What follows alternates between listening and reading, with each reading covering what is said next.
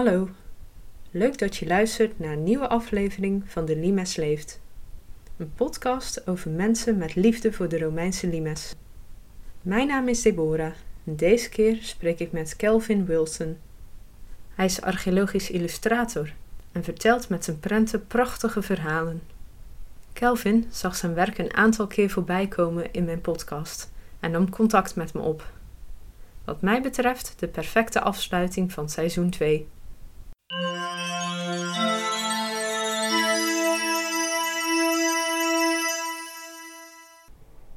Nou, ik ben Kelvin Wilson. Ik ben archeologisch illustrator dat doe ik al sinds ik afstudeerde aan de Kunstacademie in 1992. Ik ben van oorsprong Engelsman, nog steeds erg Engelsman. Mijn vader komt uit uh, het dorpje Walls End aan het einde van de muur van Hadrianus. En toen ik um, kind was, toen kreeg ik ooit een keer van mijn oma een boekje over uh, de muur van Hadrianus. En als ze dan met de auto daar vandaan trokken, dan wezen ze me ook stukjes stenen aan die uit tuinen en parkjes uh, staken. En dat waren dus de Romeinen onder de grond, van waar mijn oma en mijn vader uh, woonden. En dat heeft mij lang gefascineerd toen ik negen of tien was, heb ik een boek gekregen. Een soort van geïllustreerde geschiedenis van de wereld. En dat ging over de Skieten, de Romeinen, de, de Oud-Egyptenaren, uh, Babylon. En alles geïllustreerd. En ik vond dat zo fascinerend dat ik het ook gewoon heel erg eng vond. Dus op een gegeven moment was er een, uh, een bladzijde waar de overwonnenen van een of andere stad in Oud-Syrië allemaal het hoofd wordt afgehakt. Dat was geïllustreerd. Die bladzijde die durfde ik nooit te bekijken, omdat me dat te veel eng kon voelen, denk ik. Nou, mijn grote trots als volwassene is dat heel veel van de perioden en plaatsen die in dat boek staan, heb ik inmiddels zelf onder handen gehad. Ik heb bijvoorbeeld een lange tijd voor een Amerikaans bedrijf gewerkt. En daar heb ik illustraties gemaakt over het oude Ur. Uh, over Alexander de Grote in Afghanistan. De skieten ook gedaan. Ja, ik geloof het wel. Uh, oud, China heb ik ook gedaan. Zeg maar het China van 2000 jaar geleden. Dus al die dingen die in dat boek staan, die heb ik inmiddels, of ik ben er geweest, heb ik inmiddels zelf onder handen gehad. En je hebt kunstacademie gedaan. Ja. Was dat toen al met het idee dat je illustrator wilde worden of niet? Nou, wel dat ik illustrator wilde worden, maar dan algemeen illustrator. Dus gewoon een manetje van alles in het tekenen. Toen ik in het tweede jaar zat, was het BOOR, het archeologisch bureau van Rotterdam, bezig de oude stadsmuur op te graven. Onder wat nu station Blaak is, het nieuwe station Blaak. Dat was voor de deur van de kunstacademie. Ik vond het fascinerend. Ik heb daar een illustratie van gemaakt. Die niet zozeer een reconstructie, maar een, ik heb daar een verhaal over verteld in beeld. Het ging heel erg over bedelaars buiten de stadsmuren mijn docent zei toen van laat hem zien aan de archeologen. Want hij zei een nee heb je, een ja kun je krijgen. Maar dat durfde ik toen nog niet. En een paar jaar later moest ik op stage. En toen heb ik het wel gedurfd. En bij een van die eerste gesprekken, denk ik, heb ik Evert van Ginkel van TGV Tekst en Prestaties ontmoet. Ik heb voor hen een van mijn eerste opdrachten gedaan. Een ander was dat ik uh, ik deed toen een vakantiebaan om, om mijn collegegeld te verdienen.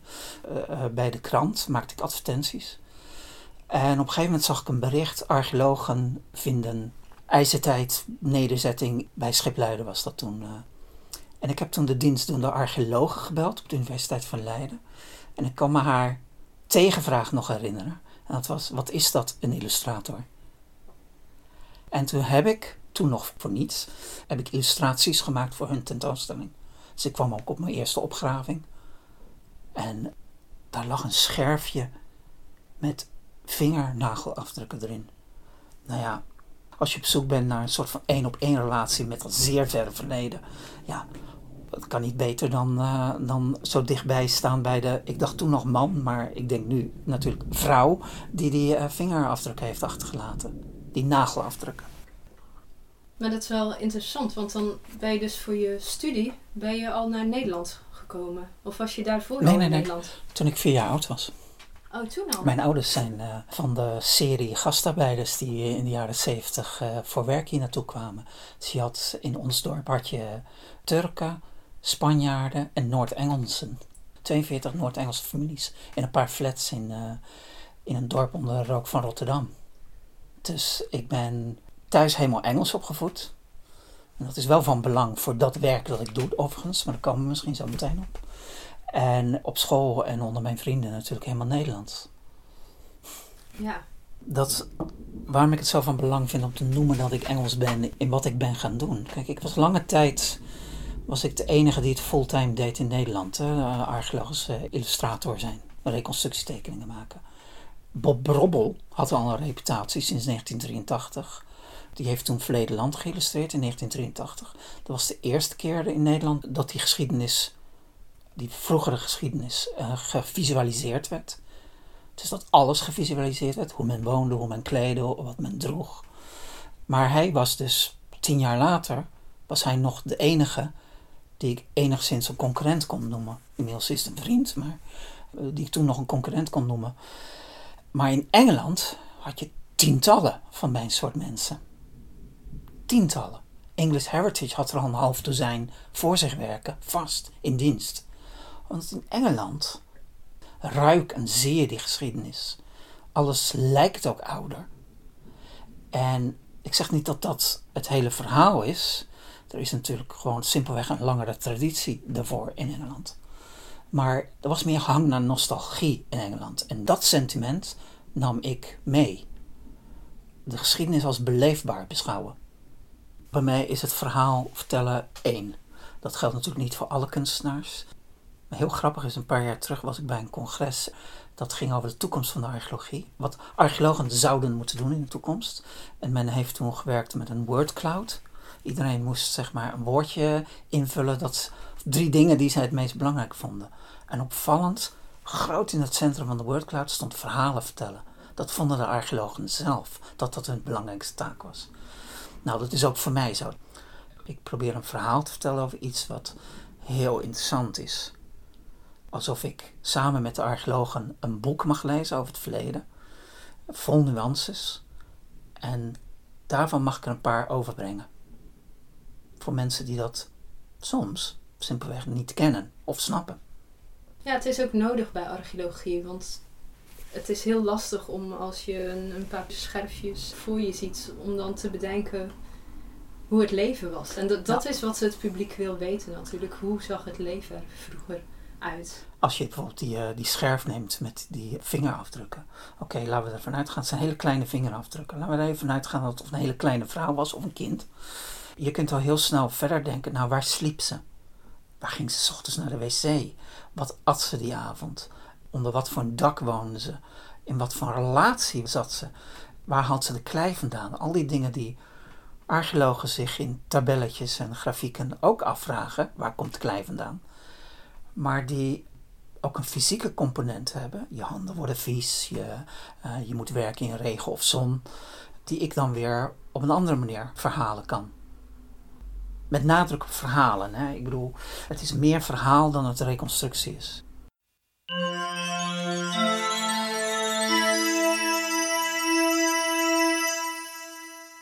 Nu nam jij contact met mij op, wat ik super leuk vond.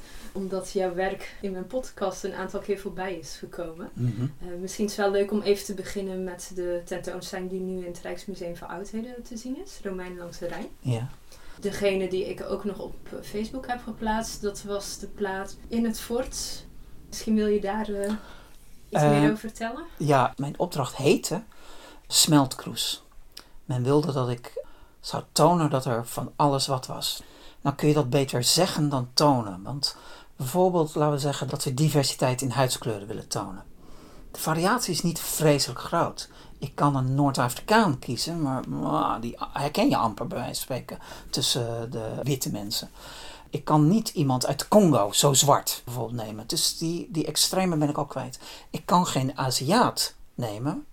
Iemand met een andere botstructuur in het gezicht. De variatie waar ik uit kiezen kan, de kleurenpracht zeg maar, van de mensen, is eigenlijk beperkt. Uiteindelijk heb ik een wat getinte vrouw in de voorgrond gezet. Maar dan, om dat te accentueren, is zij ook de rijkste vrouw die in het beeld te zien is. Met de meest kleurrijke kleding. En ze heeft een roodharige, blanke slaaf achter zich staan. die contrasten, die voer ik dus op. Nou, hoe doe je dat met de rest van de uh, gebouwen? Zoveel mogelijk op zoek gaan naar hoe Romeinen kleur gebruikten. Nou, we hebben het poortgebouw in de achtergrond. In dit geval is die gebaseerd op de Porta Nigra in uh, Trier. Maar dan een kleinere versie ervan, maar wel vergelijkbare architectuur. Nou ja, die hebben van die versierde banen, zeg maar, horizontale banen. Nou, die zijn beschilderd geweest, dat, dat doe ik. Dus ik werk zoveel mogelijk daar met kleur. Vervolgens heb ik leentjebeurt gespeeld bij winkelversieringen in Pompeii. Dus is op een gegeven moment een bar te zien in mijn print. Nou, aan de zijkant van de wand van die bar, daar zijn dan amfora geschilderd. Zodat je weet, dit is een bar. Ik heb ook heel veel textiel weggestopt in de tekeningen. Alle patronen en kleuren van het textiel gebaseerd op verbeeldingen van bijvoorbeeld kussens en bedovertrekken op fresco's uit Pompeii of uh, fresco's en mozaïeken. Dus dan zie je blokjes patronen met roze randjes. Al die dingen zijn er om de kijker dat beeld te voeden dat het een kleurrijk, met een woord multicultureel geheel is. Je moet eigenlijk heel goed kijken. Wil je alle details zien? Nou, dat is iets dat ik best vaak doe. Dat heet in de kunst heet dat tweede perceptie. Namelijk, er is één ding dat je onmiddellijk het beeld intrekt. In dit geval is die hele kleurrijke dame in de voorgrond onder de zeer kleurrijke parasol. Maar daarachter ga je dus andere dingen ontdekken. Dus je gaat zelf met je oog ga je op ontdekkingsreis door die prent heen. Ik doe dat één omdat dat een goede kunstenaarstruc is, zeg maar, om je betrokken te, te maken. Maar ook omdat jij en ik de wereld ook zo ervaren. Wij zien niet alles in één keer. Wij hebben één ding waar we op aflopen en het tweede, dat zien we daarna. En zo kunnen we bezig blijven. Gek genoeg is het dat ik zelf qua kunst heel erg van eenvoud hou. Is iets dat heel erg teruggebracht is naar zijn essentie. Dat is dit ook wel. Maar zodra ik die essentie vast heb gelegd, in dit geval is die compositie van de straat die zich toespitst, nou ja, dat, je, dat je heel erg geconcentreerd raakt op die uh, vrouw in het midden. Daarna kan ik het gaan invullen met uh, honderden details. Ik ben, als ik zo'n zo'n prent aan het maken ben, ben ik zelf meer bezig met bijvoorbeeld een muur die bezwijkt onder zijn eigen gewicht. De structuur van een houten uh, schutting naast die, die oud gepleisterde muur. De, om een Engels woord te gebruiken, ramshackledness van kleuren de gebouwen aan uh, de winkelstraat is wel in één groot plan aangelegd. Maar vervolgens heeft iedereen zijn eigen smaakje daar toegevoegd. En dat, die voorgeschiedenis, moet ik ook laten zien, vind ik. Omdat de prent daarmee zelf een geschiedenis krijgt. Een andere prent die zowel in de tentoonstelling te zien was als omslag van Alexander van der Bunt, Wede over ja, ja, ja, ja. Die vind ik zelf ook echt heel aangrijpend. Ik denk, aangrijpend, dat is een mooi ja, woord. aangrijpend. Want het, het is volgens mij, als ik het goed heb hoor, is het een bataaf, het paard die een rivier oversteekt. Toen ik, toen ik net begonnen was, heb ik voor het toenmalige museum GM Kam in Nijmegen zo'n grote wandschildering gemaakt. En eentje was van een bataaf die naast een paard de rivier overzwom. Daar heb ik alleen maar, want het was op een stuk goedkoop karton geschilderd, en het is daar gebleven. Daar heb ik alleen maar een heel klein fotootje van. De uitgever van Alexanders boek benaderde mij of ze mochten gebruiken als omslag. Ik zei, dan kan je beter niet doen. En toen hebben we het erover gehad, uh, omdat het een heel slecht oud printje was. Hebben we het erover gehad dat ik hem opnieuw zou maken. Maar het gekke is, niemand daarna spreekt mij nog aan op wat er in de print staat. Dus hoe de bataaf aan het paard vasthoudt bijvoorbeeld. Dat, dat is helemaal mijn ding. Ik ben overigens ook een paar jaar geleden ben ik zelf paard gaan rijden. Omdat ik vond dat ik te weinig van die beesten afwist uh, om ze te kunnen tekenen. Dus ik uh, rij, nou nu al een tijdje niet, maar daarvoor heb ik vijf jaar paard gereden. Het paard op de omslag is ook het paard Mystiek waar ik zelf op reed. Uh, mijn verzorgpaard ook. Maar waar we het heel erg over hebben gehad, is de sfeer die de omslag uit zou drukken. Dus op een gegeven moment had ik een versie gemaakt waarbij de lucht blauwer was. En het water blauwer ook. En dat was niet de goede doelgroep. Hij moest volwassener. Nou, in dat geval, als hij volwassen is, dan kun je meer gaan werken met spetters en lichtvlekken en een verbeten blik in de ruiten die ernaast zit. Dus al die dingen die mensen erin lezen, wat jij zelf zegt, aangrijpend. Dat, het, dat je de inspanning ziet en de, en de actie en um, de geweld die daarna komt als hij op de volgende oever aankomt. eigenlijk voor mij ondergeschikt geweest aan kan ik dit als beeld laten werken? Zwemt hij geloofwaardig? Is het paard geloofwaardig? Zijn de kleuren zo dat je ziet dat het niet echt is, maar tegelijkertijd gelooft dat het echt is? Als het er echt uit had gezien, had je net een goede foto op de omslag kunnen doen. Dus het moet mooier zijn dan echt, zeg maar. Dus ik ben veel meer met een, als een kunstenaar bezig met die print.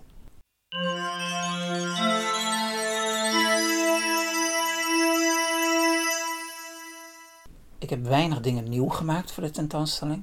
Men heeft veel oud werk van mij gebruikt. Ik heb namelijk, oeh, inmiddels 15 jaar geleden ben ik eraan begonnen. Al heb ik er flink wat jaren aan gewerkt. Een hele serie prenten gemaakt over de Romeinse limes in Nederland. In opdracht van de gemeente Utrecht en in nauwe samenwerking met Erik Graafstal.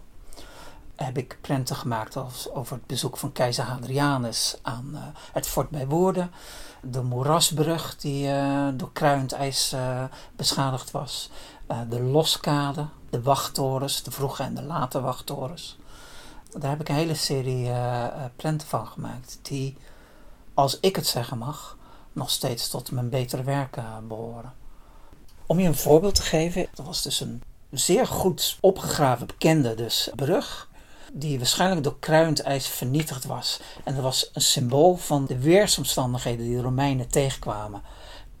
Mijn voorstelling is dus de brug met kruiend ijs en de beschadiging. Iemand bij de gemeente zei: ja, maar ik zie er niks Romeins in.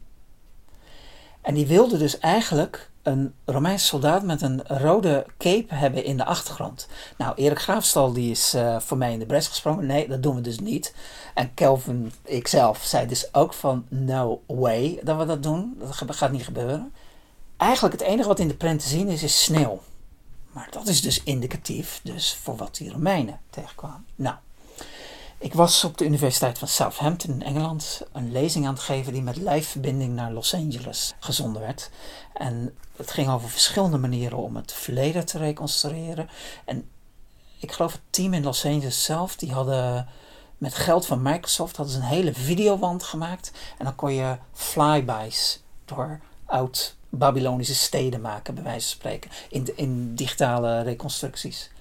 En aan het einde daarvan liet men de vraag rondgaan wat nou de meest succesvolle verbeelding van het verleden was. En mijn print won, omdat het de enige was waar je ook kon voelen hoe het gevoeld moet hebben. En er is, zoals ik zei, er is niets Romeins in te vinden. Uiteindelijk is er wel een mannetje in de achtergrond te zien, maar die heb ik donker en grijs gehouden. Maar wat je wel ziet, is koude sneeuw. En dan weet je hoe het voelde. Dus het lijkt bijna een stil van een film, bij wijze van spreken. Nou, dat ik een hele mooie vergelijking, omdat ik die vergelijking zelf ook vaak maak. Ehm, de vergelijking die ik vaak maak is... Als een archeoloog een schoen vindt, kan ik die wel schilderen als nieuw leer aan een vers paar voeten. Maar ik moet er wel zelf de sok bij bedenken. Niet zozeer bedenken, ik moet weten, moet je daar een sok bij dragen? Zoals je bijvoorbeeld een opengewerkte Romeinse schoen hebt. Nou, Carol van Dwill Murray, de leerexpert, heeft mij een keer verteld dat als zo'n zo'n schoen van geitenleer was gemaakt, en dat is een lichte leer, dan komt het patroon er het beste uit als je daar een heel felgekleurde sok onder draagt. Dus dan zag zijn centurion voor zich met witte schoenen met rode sokken eronder bijvoorbeeld. Nou, dat soort beelden, die moet ik dan opbouwen uit die archeologie. Maar zodra ik dat doe, zodra ik een keuze maak om jou te vertellen dat die schoen een spektakel was om te zien, maak ik dus een verhalende keuze. Want het zit niet meer in de archeologie. De archeoloog is daar niet mee bezig.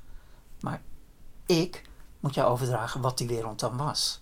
Ja, films, een films, filmscène is, is, is perfect, want je kijkt maar naar één speler tegelijkertijd. Maar er gebeurt wel heel veel. En het licht is belangrijk. De mise-en-scène is belangrijk. Mijn prenten hebben ook een mise-en-scène. Dus waarom is dit te zien in het beeld? Dat is de vraag die je moet stellen. En als je daarover na gaat denken, dan kom je terecht in de Romeinse wereld.